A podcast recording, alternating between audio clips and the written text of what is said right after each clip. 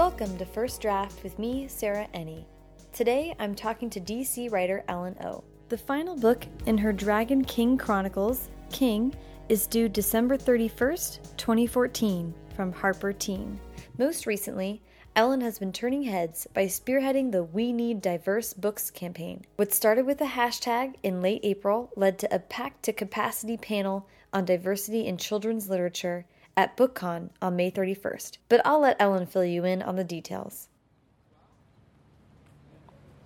I met Ellen in downtown Bethesda, a swanky DC suburb that was long on construction and short on quiet spaces. The Barnes & Noble cafe and the fancy chocolate shop were playing adult contemporary, and the library was all booked up. Finally, we snuck into Redwood, the restaurant where one of the Top Chef DC episodes was filmed, before it opened.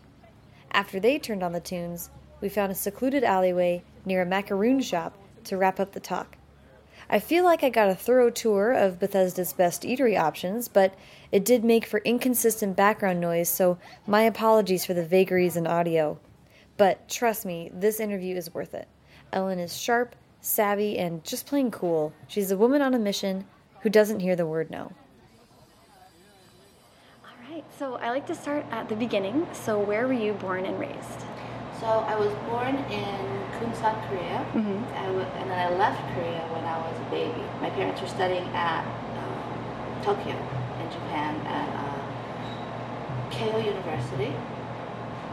So I was there till I was two, Okay. and then they moved to the States to keep studying, and then I've been. So basically, my first language was Japanese. Really? Yeah. That is so interesting. And then I lost it all and learned English, and then that was it. When you moved to the States, where did you move to initially? We moved to Georgia. Okay, So then I came up to New York when I was like five okay. with a southern accent. That was also funny. Oh my gosh, wow. The kids in New York, they did not think that was funny. Oh, really? I had a hard time at first. Oh my gosh, that's crazy. Yeah. Wow, and then you were in New York. So wh- where, like in New York City? Um, Boroughs kid. I grew up in the Queens and then Brooklyn. Cool. Most of my life was in Brooklyn. And then when I moved away for law school, my parents moved into Manhattan. So I was kind of jealous about that. So now they're living the life.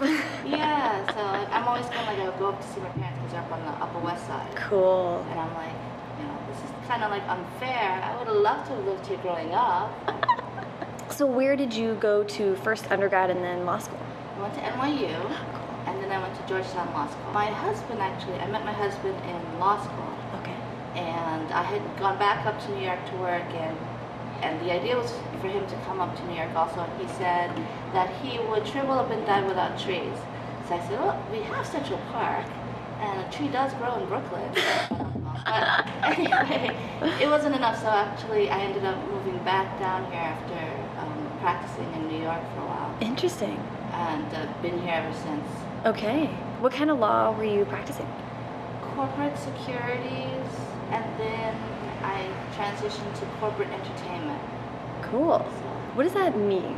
It basically means contracts for movies and TV. Oh, okay. programs. Okay, there you go. There you go. You get to say entertainment, but it's not actually very entertaining. So And and I know that you then transitioned from being a lawyer to a professor. yeah. So how did that come about? Uh, I've been practicing for a long time, and and I was at um, the National Wildlife Federation, and Oh, wow. all of my uh, my the senior staff had left, in a big reorganization, and I had the choice to stay or to go. And they wanted me to stay. I, you know, I just didn't know how I felt about that. It was a lot more responsibility, and I was already working a lot. You know. Right, right. So my husband said, You've been working on that book for years now. Why don't you just give it a try? And I said, Are you sure? And he said, Yeah. I said, Okay. So I left. Then when I just transitioned at home, I got a little bored. So then I started uh, teaching over at George Mason, Okay. which was great because then I had, you know, teaching to to fall back at and also kind of writing the, the novel. And you had three kids at the time as well. Yeah. I had three kids at the time. so okay, you, you brought up the writing. I do want to kind of go back to that a little bit. When did you start um, writing fiction? Okay, so it started in 2000. Time magazine did its Man of the Millennium, and Mm-hmm. it was Genghis Khan. Ooh, yeah. And that's actually when I started doing research because there was uh, a biography on Genghis Khan. I picked it up, and started reading about it, and all this great Asian history Mm-hmm. was in there that I had never known about. And I, I got really fascinated by that. And that's literally when I started the process of research. Wow. And everything I found made me want to write a book about it because there was nothing. Mhm. There was just nothing out there about it. And I thought it was just fascinating. So that's when I kind of started writing. Just to follow up on that really quick, do you mean there was no books, period, or no YA, or were you looking at this particular? There was definitely nothing out there fiction wise that I thought kind of encompassed this history that I, I thought was so fascinating. You found Chinese books, you found um, Japanese history books, but there was nothing at least with Korean history. Yeah. So that, that's kind of like what I was focused on. I mean, there was Linda Sue Park's The Single Shard, Okay. I think that might be it. Wow. Wow. So, So- you were kind of like, there's a niche here. Yeah, and I was like, this stuff is really fascinating. Somebody's got to be interested in it. Yeah. Well, I know I was. So, and I actually have read a couple interviews that you've done that you talked about. It. You were researching for years before the story of prophecy actually came to you. Is that right? Yeah, I actually wrote two books before. Okay. But those books did not sell. I will never take them out. Um, and then I guess with prophecy, it literally came like that. I would, I have to say, writing the other two books was like pulling teeth. Mm-hmm. And then when prophecy came, it just poured out of me. It was, Wow. The difference was night and day. Wow. That's amazing. So, how long would you say it took you to actually get a draft out? I would say, I want to say three five months. It's been Okay. so long I can't remember, but it was fast. Yeah. Yeah.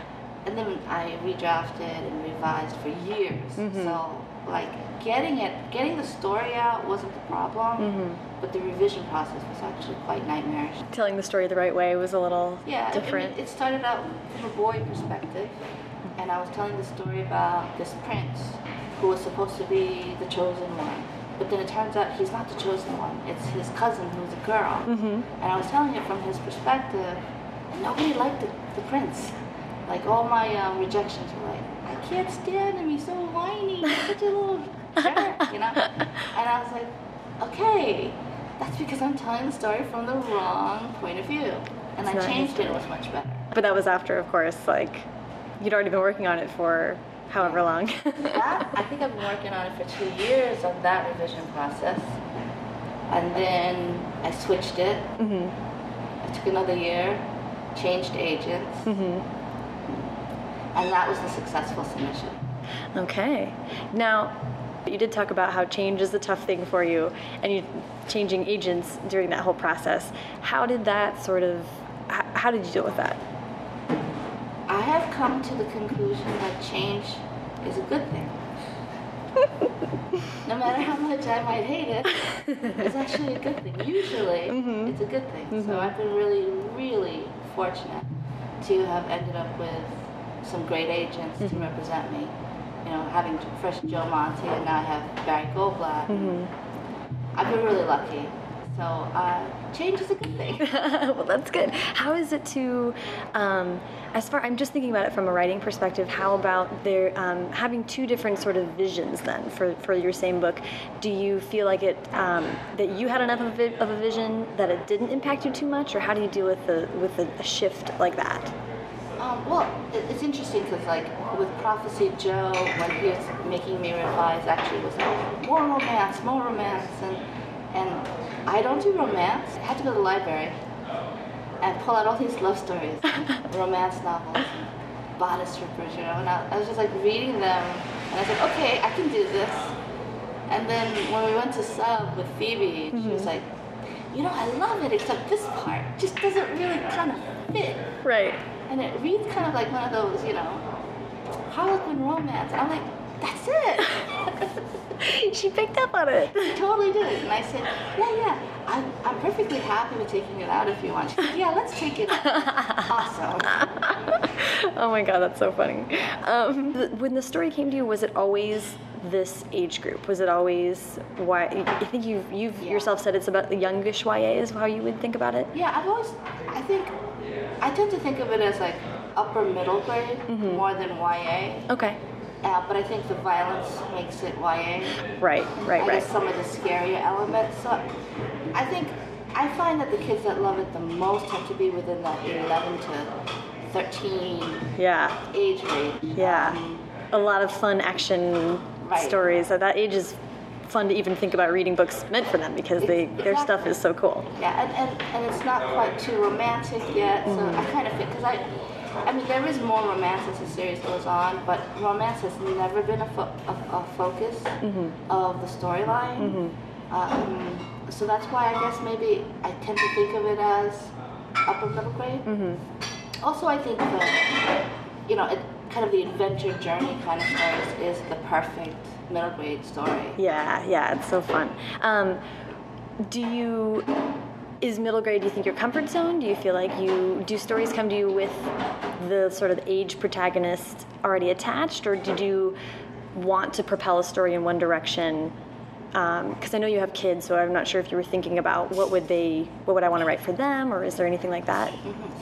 I don't know. I, I like to write for kids. I don't necessarily know that I'm I'm picking a, a specific age range. I'm just telling you that I noticed that 11 to 13 year olds tend to like that book a lot. Mm-hmm. At the same time, I've had high school kids tell me they love it too, but I just think high school kids don't read as much as they could because their curriculum tends to be so tough and Yeah. already. Right. So asking them to pick up additional reading is kind of harder on, on them. I think that's true. Yeah. Um, so that's why I that's why I think you see less and less high school kids reading for pleasure.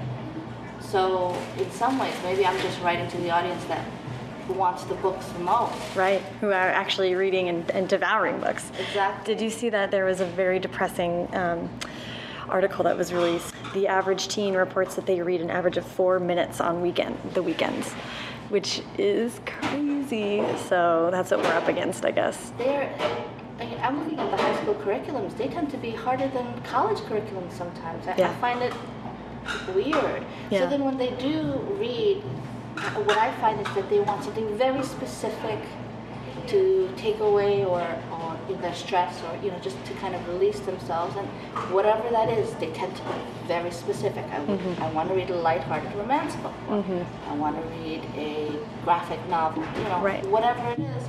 I think their time it's not like when they're in middle school and they can go oh I can read whatever I want. Yeah, yeah. anything. Yeah, interesting. Um, and I think it's so much more about what I think middle schoolers are much more amenable to, like, say, a librarian suggesting something for them, and then teens, it's what are my friends reading, Exactly. and what do I, what did I read in the magazine? what's the most popular book right now Mm-hmm, mm-hmm. Different they're going influences. to be much more influenced with that Yeah, Meanwhile, you've got like the middle school kids, they get a book report at school, right? Some kid goes, Oh, I just read this book and I love it. And you'll see them run out like en masse and buy that book. I Yeah. mean, it's a different, it's a different world. What do you think is important about writing for this age group? I think the story has to be the most compelling focus. Mm-hmm. And I, I mean, the characters have to be relatable in some way. And, and I hate to use that term relatable because it, it has so many different connotations. And I don't mean that, like, you know, I've heard people say, well, white kids can't relate to a book that has a POC character. I don't mean it that way because, to be honest, if that was true, then um, the great, what's that book? Ivan the Great. Oh, um, oh darn! I just saw it at Barnes and Noble. I love this book about the gorilla. Uh, the Great and oh darn! I'll add it in. Okay, so my it's actually my daughter. da- My daughter and I love that book. Uh huh. It's about a gorilla. Right. It's a Newbery winner. So it would be like somebody saying, I can't relate to that book because it's about a gorilla. No, you know, relatability is more just about empathy mm-hmm. and compassion and likability and all mm-hmm. those things that make us care mm-hmm. about somebody or something. And that's kind of, for me, the important things. And you're not going to hit it for everybody.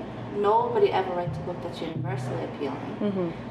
But hopefully, the story that you, that's coming out of you is one that's going to appeal to other kids because somebody out there wants your story. Mm-hmm. Somebody is going to say, "This is, this is something that really connects with me." Mm-hmm. And so I think that if a writer writes from the heart and tells a good story with great characters, that's really the most important thing. Mm-hmm. And that seems like a very kind of simplistic answer, but I think some people forget that and then they try to be either fa- fad oriented or mm. they try to, to add things in for effect or no, it's the story. The kids care most about the story. Ask them to tell you about their favorite book and see how they, you know, reduce it down to, and that's what they always look for. Yeah, that's such an interesting way to think about it too. How an actual kid would recommend it to a friend or something, how they would sell it themselves. Um, such a cool way to think about it, and that's I think what draws a lot of people, you know, including me, to YA, um, is that it's there's plot. There's not there's a lot in addition to plot. There's characterization, and there's I mean there's every layer that any adult fiction has. But you always have to be serving the plot and, you, Right. and serving the story. It always needs to be propelled. And then when you go read like a pastoral adult fiction, you're like, oh Lord, it's been 200 pages. Will we get to a point? Yeah. Do you want to talk about any of your other projects, or we kind of close lip about? I am. I, I'm working on a ghost story. It's kind of like a mix of horror and shamanism, like Korean shamanism. Um, I'd say almost with a mix with a mix of kind of the Garth Nix um, Sabriel. Oh yeah, I love that series. I know. It's Oh my gosh, so good. Well, hopefully it's also different because it's going to be in a contemporary setting. Yeah. So. How did that story? How did the inspiration for that story come to you? Oh, I think I was watching a lot of Supernatural Ooh. at the time. Yeah, yeah. and I was like totally into the ghosts and the demon hunting, and I was like, oh, I need the, I, I want a supernatural for kids. I kept mm. thinking that's what I want. Yeah.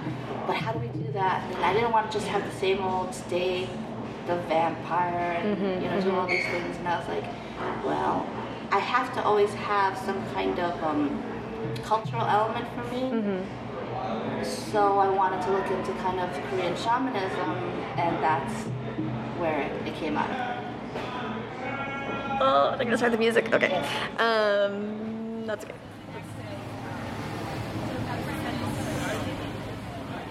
Okay, so you're so we were talking about diversity in YA. We need diverse books. How did it begin? So we were talking online after the BookCon, BookCon announcement of the, I guess, I forget what they called it, the stars of white um, of children's literature, whatever it was. It was, it was for white men, right? Mm-hmm. And so we were talking about it online, and I kept saying how, I, at that time, I was really frustrated. And part of it was, I wrote this article for, for article for Angry Asian Man. I don't know if you saw that one. No.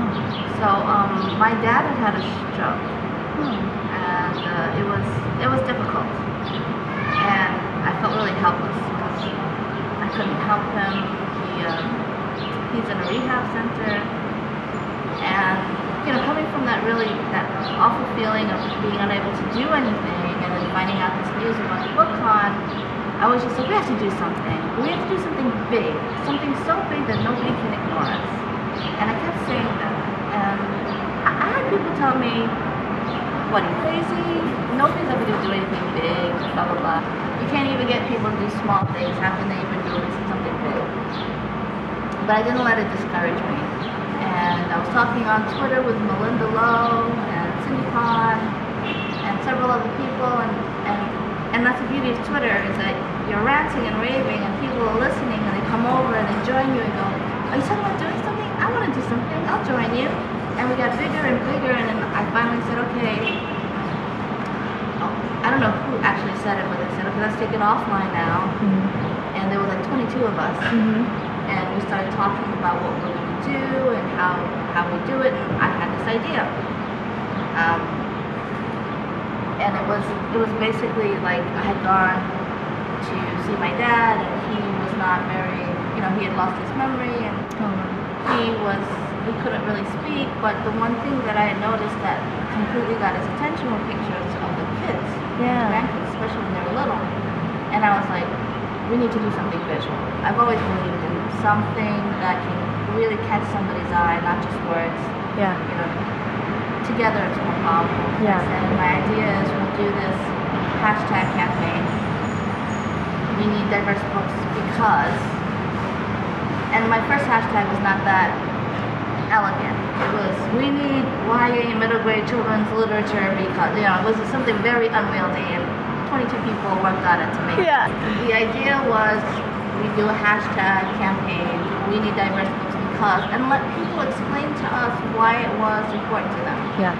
and that it would be attached to a visual with a cute, you know, with Yeah. cute cards. And we decided that that was going to be part of it, and that we would also have a chat, and we'd also have a diversify your shelves initiative, which was um, another a Lucky 13 author's idea, Chelsea Pitcher, who um, I had asked her to join my campaign so that we could kind of do it all together, have Yeah. more impact Yeah. that way.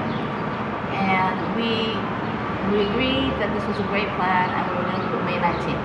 hmm But then over the weekend, I think, or I don't remember when it was, BookCon made another announcement about all their guests. And it was 20, 20 white people and a cat. And That's right, Grumpy Cat. Right, the grumpy cat. And everybody was in a total outrage over that. And I just kind of like emailed the whole group and I said, we need to move this up now. We need to take advantage of people being very angry and outraged Yeah. and start this campaign. So we announced over the weekend that we were doing this, and just it just started taking off, and people started started spreading the word. And I think two days before our, official campaign date, which was May first, the hashtag just started trending.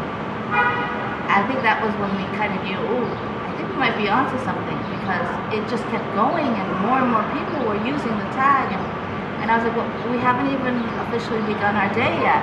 And what we were amazed at was to see these, this just, these beautiful stories coming out from people about why it was so important to them, you know, for their kids, for them, for their students.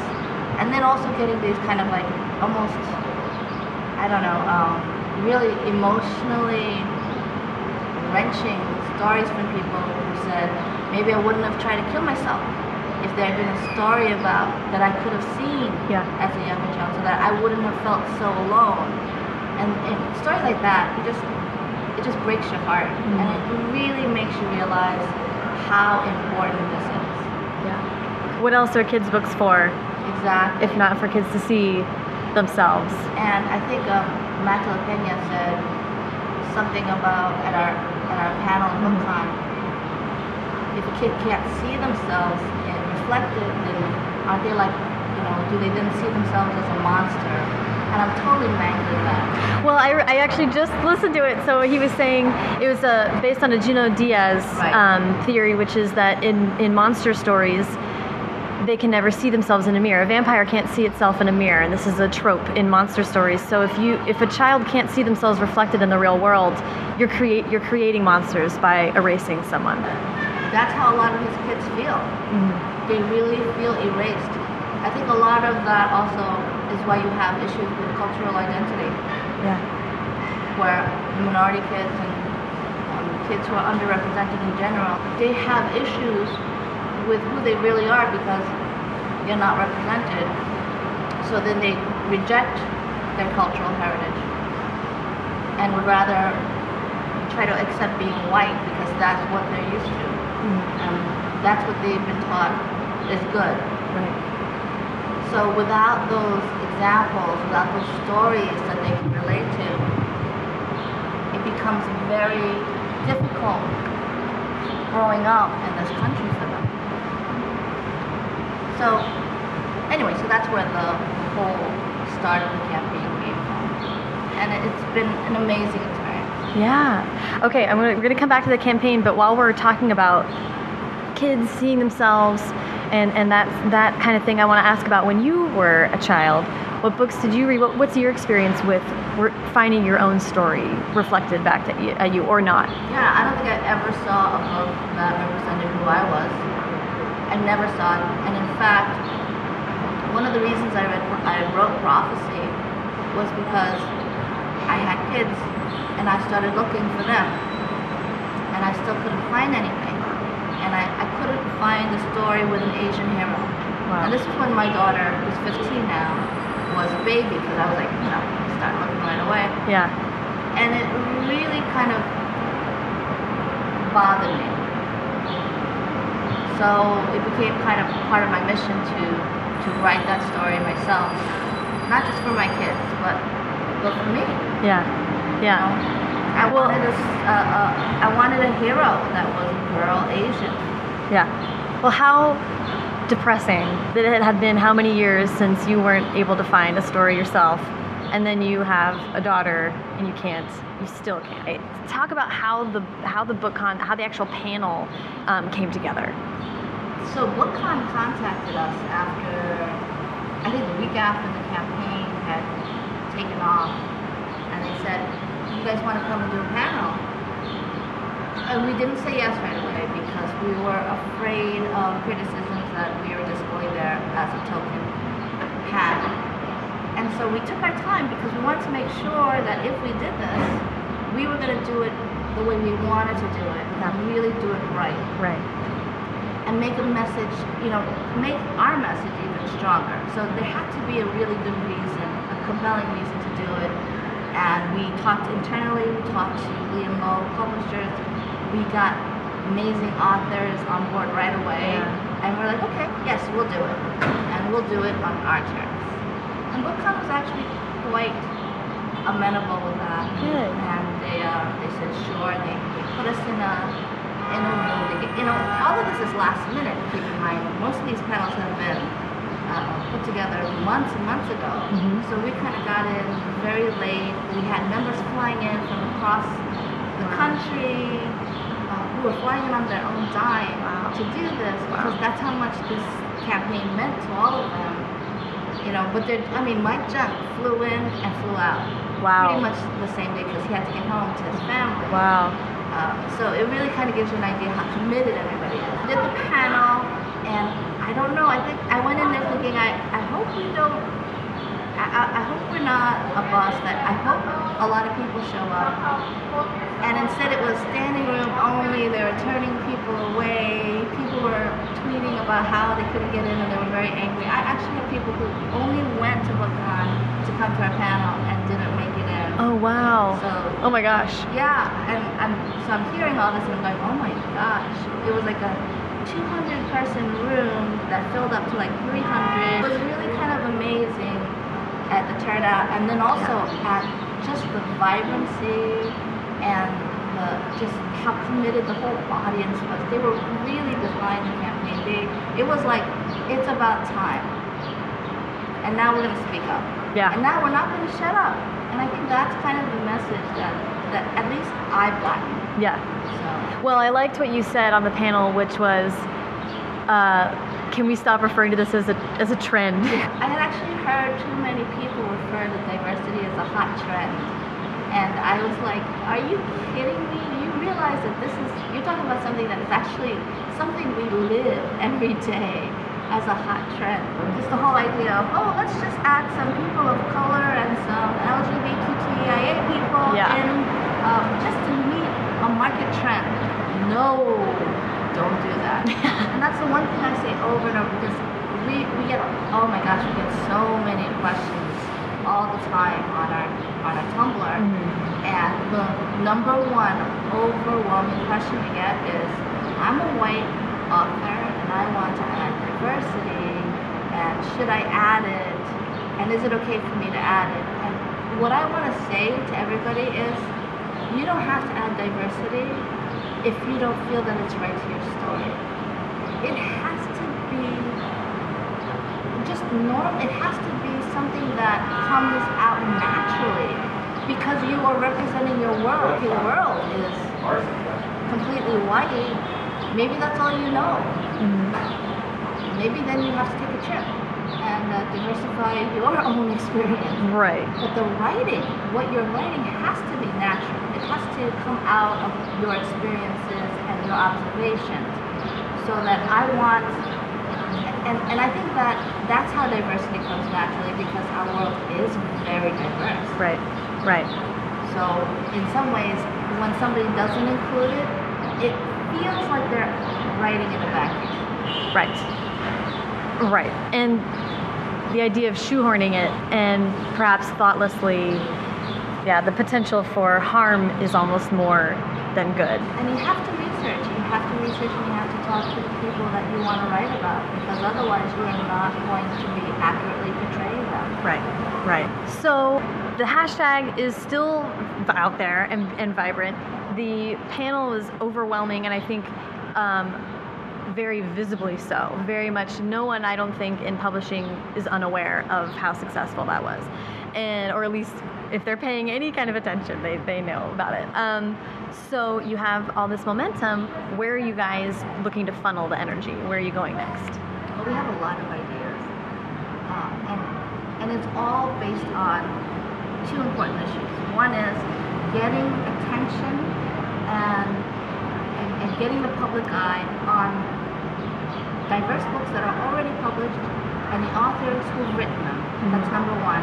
And number two, helping out new diverse authors find their voice and, and get into publishing. All of our new initiatives are going to be kind of based around that. We, we announced diversity in the classroom, which is to bring a series of sets of diverse authors' books to classrooms all over the country and couple that with an author's visit. Because it really means a lot to kids to see that there are diverse authors because otherwise they're, you know, their whole lives they're thinking the only type of authors that are out there are the white ones or the dead ones. Right. the white dead ones. Yeah. Usually that's all they read. Yeah, exactly. So it, you know, like I, I talk about this experience I had. I went to a, um, I think it was a middle school, and one of the kids came up to me afterwards and said, I never knew, I always wanted to be a writer, but I never knew I could be because I'm not white. That is shocking. How did the idea of the festival come about? I'm always coming up with ideas. I think I, I'm like the idea person. And the festival idea was like, you know, what if we had this festival and it was all diverse authors? Or authors that write diversely. Right. And it was just a celebration of diversity. And, and I, said it, and everybody's like, oh, wouldn't that be amazing? And the more people we talked about it to, the more people they were like, oh my god, I would love to see that in my lifetime. You know, and then when you have experiences, when you get responses like that, you're just like, yes, we have to do this. Yeah. So everybody's behind the idea of it. It's just a matter of, of making it happen, getting all the pieces together. We have so many great volunteers, so many committed people who want to help us. I know we can do it. Raising the money is the next step. Mm, okay, okay. Do you have thoughts about that, or are you still? We're gonna have to do, go into fundraising mode Yeah. in the next month or so. And Okay. I think that's a good. We always talk about put your money where your mouth is. Buy a diverse book. Put your money where your mouth is. Yeah. And and I don't know that people actually do it. Mm, if they just give it lip service. right. Right. So, you know, part of me wonders then if we do try to fundraise, how successful we will be. Mm-hmm. But we have great ideas. Mhm. And I think what we want to do is, is all about supporting authors and all about bringing the books to the kids. So that combination of factors, maybe they feel good enough for people to want to open up their wallets and support us. But it's a reality. Yeah. And I would hope that if people really care about that and care about seeing kids changing their reading habits so that they become maybe more open-minded. Mm-hmm. Because I do think in part that there is a lot of inherent prejudices that we're not fighting when kids don't diversify their readings. I mean, I tell this story all the time about this mother that I saw. Her her daughter must have been about seven years old. She's reading The Mighty Miss Malone, which I don't know if you know that book, but it has a beautiful cover of a little black girl on it, and it's a fantastic book. And her daughter's reading it, and I can see she's totally into it. Mm-hmm. She's like in the second chapter already. And I'm just about ready to go to her and say, that's a great book. When her mother came over and took it from her hands and put it back and said, no honey, that book is not for you. And I've seen a variation of that happen over and over over again. And you have to wonder about the message that the kids are taking away from that. You know, the boy that can't read a princess book or a fairy book, the girl who can't read a pirate book. You know, what are the messages you're telling? I mean, it doesn't. It's not just race. It's gender. It's sexuality. It's religion. Yeah, I haven't actually heard you say that story before. That's really disturbing. um, But I've seen so many variations of that story over and over again. Um, and actually, uh, before I forget this point, I had been up till I listened to the panel. I had been referring to the upcoming festival as a conference, and I actually hadn't realized that you'd chosen festival, which I think is so. I was like, oh. Of course, we all care about the meaning of words. I was like, "Wow, what a what a um, better word for it." No one gets excited about a conference, and a conference isn't a celebration. A festival is like people dancing around with books and celebrating um, all these books. So I'm uh, really excited that it's being framed in that way. It's so awesome. I agree. I think it, it does make a big difference. But festival is what we're going for because conference gives the idea of attendees. Festival, you want it to be open to the public. You want families to come with their kids. You want everyone to show up and have a great time. And I think that's what it is about. Yeah, yeah. So and that's in is that 2015 or 2016 in We need a lot of time to make that happen. um, And we want to do it right. So what are the what are some you know in your like like fantasy world for the festival what does it look like um pan- mix of panels and speakers or um, what are some kind of different things that you would love to, to see I want to see a mix of picture book authors, YA, middle grade. I, I want to see illustrators there as well as authors. I want to see um, a lot of different panels, maybe even little workshops. I would love to see workshops for kid authors, especially kids who never thought they could be writers, mm-hmm. and that they see diverse authors kind of giving these little workshops. I think the important thing is that it's a celebration mm-hmm. of a lot of different diversity, and that there is that, that we include everybody, mm-hmm. so that nobody feels like they're missing out. do you feel that what has even happened to this point is success or does it only just feel i mean i know you, you are you're a steam engine here it's not stopping anytime soon It's a hard question.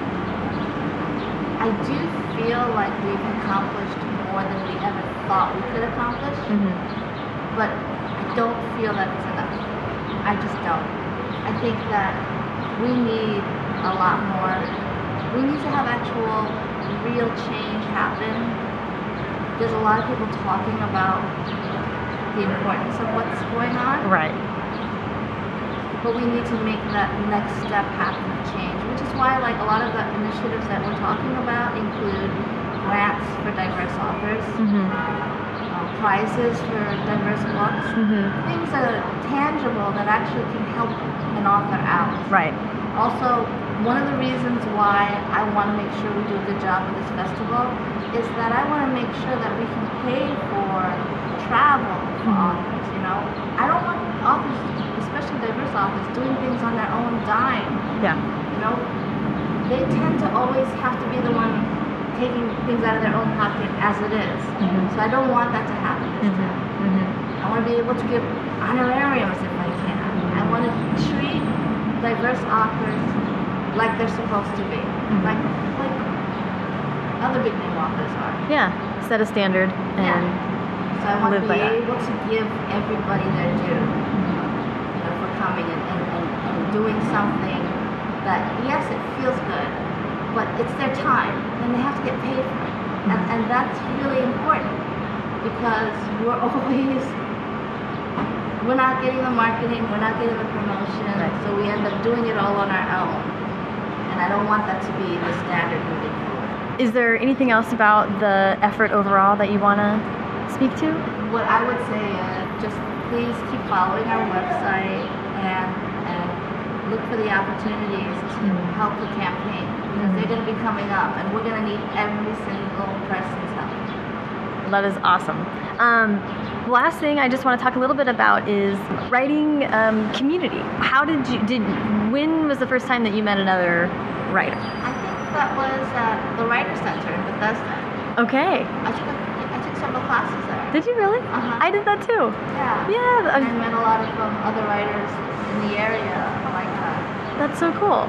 Any other YA writers, or was that because that's more of a blend of all different type, Yeah. all levels and Yeah, no, genres? honestly, It was a mix of people. I think I was the only YA writer that came out of that group. How did you meet uh, the the rest of the YA kind of crew? I want to say probably through Caroline. I feel like she's the center of the uh, of the the wheel that we all are connected through Oh. her somehow. I know that I met her online through the um, to the Verla Kay Blue Boards, which is now the SCBWI Blue Boards. Oh, okay, okay, okay. So she was uh, she was there. I was a moderator on the Blue Boards. Oh, okay. So I met her, and then we were talking, and and I was like, oh wait, you live in Maryland, and we found out we're like 10 minutes away from each other. Wow. So we ended up meeting that way, Cool. and then I think I met everybody else from her. Cool. And we should say it's Caroline Richmond that we're talking about. Yeah, uh, part of sort of what I'm talking to a lot of people about is not only place where they actually physically are, but I'm really interested in the sense of community that goes like beyond that. So just how do you feel that that the connection you've been able to get with other writers on online and then in person have impacted your life as a writer? Oh, that's a great question. It's a big one. It is. It's, it's a huge question because that's been so meaningful. Uh, I have incredibly great, deep friendships with writers that I only knew online for years, and then finally got to meet them. And it was like meeting a long lost friend. I know a lot of authors that I like very much just from being online and from the community. And I think in general, the, community and the MG community are made up of just amazing, really helpful, empathetic people. Yeah. And most of them I love. Some of them I don't. Yeah, well, it's funny. I think you're right because when there is sort of a bad apple, it's obvious almost right away, and it's very strange. It's almost very jarring. I mean, YA and MG, I think you're right to, to blend them together because the people in both those communities are generally so open-hearted and and just very genuine. So when you meet someone that is a little like for example i would say people who maybe are writing YAs because it's like a trend or because it's selling and um, it becomes very clear very quickly when someone's not passionate about Oh, young because readers They're very condescending. Oh, yeah. Talk about it. oh boy And you kind of think, why are you even writing yeah YA if that's how you really about Yeah. My favorite are, the ones that write YA but have never read YA. yeah And I go, what? yeah Look, children's books are literally my favorite thing to read. From picture books to middle grade to YA, they are my favorite thing to read. hmm I can't tell you when the last time I read an adult book was. I can't. That's all I read. And I love it. Mhm. It's, it's a passion. Yeah. And, and I'll be honest, it started with Harry Potter. When I started reading Harry Potter, I never looked back. It Yeah. was like, oh, adults can read Harry Potter and not be ashamed of it. That's it. I'm, I'm done. I'm, i this is all I'm reading. But you know, you think about it. All your favorite books, Wrinkle in Time, Oh, yeah. and, and all those great books you read when you were younger. Those are my favorite. I wrote two adult books, and I and I told you before it was like pulling teeth. yeah It never felt right. I started writing kids' book and it just came out of me like that, and I Yeah. realized that it probably because I am still a kid at heart. yeah But it's also what I read and I love. Well, I like that you have a like a key insight though. I feel like when um, I know a, a bunch of moms that write YA, and it's always kind of like, "Hey, will you check something for me?" You're in on the ground floor a little bit. So, how do you think having three girls is? Uh, how does that sort of seep into what you, not only what you write, but also reading YA and what's out there? Um, it's actually really fun with my older my older daughter's the big reader, and Mhm. so with her, I'm always like, read this, read that. I read this, you know, and, and then or she'll come to me and say, oh, I read this, you should read that. And so we trade in books all the time, Cool. and I think that's that's fun as a Oh my mom. I gosh. that's fantastic. That's amazing. But ever since they were little, I mean, and all three of my kids, the great thing is that it's not just them reading. I get, I'll be like, oh, so do you have some friends who want to read for me? And they'll be like, yes. And I'll have like, you know, eight kids go, oh, Mrs. O, you're, you're writing a new book. Can we read for you? You know, so it, That's you know, amazing. That's awesome. So it's not just because you know sometimes you know your kids, they're actually harsher critics. My kids are like, no, this sucks, mom. We can't print that. And I'm like, okay. Um, what did Emma think of the book? oh, Emma liked it. You know, Oh, so, no. So like I, I actually, I actually love having the ability to go to their friends and. And with each age group, I've been able to pull from a group of friends, so that's been fantastic. That's brave of Oh, you. Yeah, yeah. My oldest, my oldest, sometimes she'll be like, "I have my red pen ready," and I'm like, "No." it's not there yet. Ah, that's so that's amazing. Um,